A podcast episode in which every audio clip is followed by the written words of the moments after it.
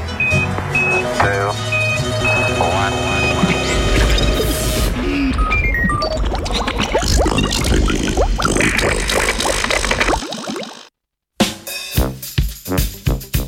Mikrobiom Da Vinčijevih risb.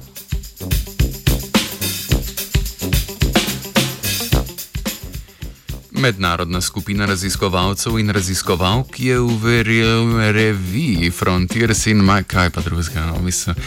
Gremo še enkrat. Mednarodna skupina raziskovalcev in raziskovalk je v reviji Frontiers in Microbiology objavila obsežno raziskavo bioloških sledi na sedmih skicah Leonarda da Vinčija. Na njihovi površini se je v obdobju 500 let nakopičila velika količina bioloških ostankov, ki so jih definirali s pomočjo analize DNK in elektronske mikroskopije. Z uporabo sodobnih metod sekvenciranja DNK so določili, katere bakterije, virusi in eukarionske celice so prisotni na sedmih risbah Leonarda da Vinčija iz 15. stoletja. Na vseh so daleč najbolj prevladovale bakterije.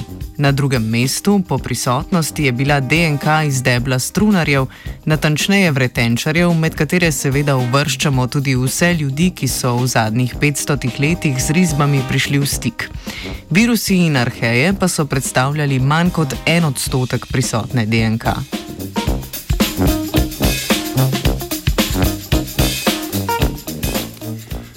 Raziskovalke in raziskovalce je najbolj presenetila prevlada bakterij nad glivami, saj naj bi se na podlagi predhodnih raziskav glive v obliki plesni bolj aktivno razraščale po papirju. Rezultat prepisujejo izbrani metodi pridobivanja vzorca.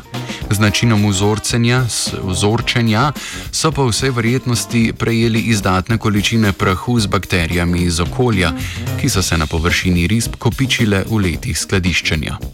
Na risbah so našli tudi veliko bakterij, ki so značilne za mikrobioto ljudi, kar še dodatno kaže na velik delež kontaminacije iz okolja.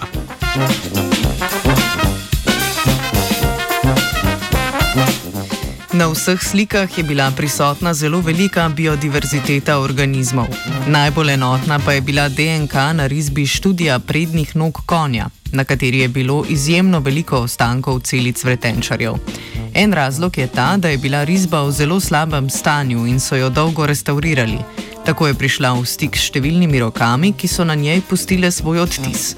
Drugi razlog pa je, da je Leonardo da Vinci za pripravo bolj obstojnega papirja uporabil metodo, ki vključuje posip kalciniranega praška iz kokošjih kosti z belilom iz rastline indigovec in primešano živalsko želatino.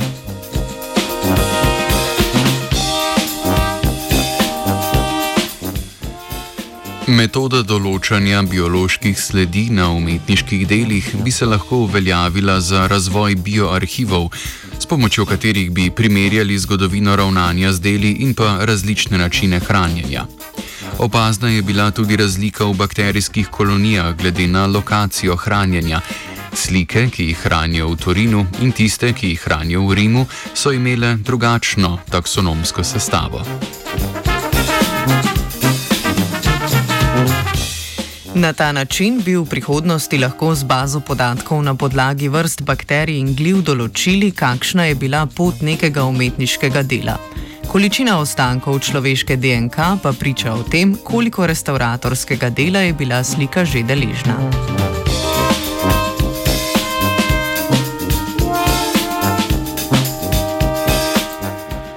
Po prašnih bioarhivih je kihala Urša.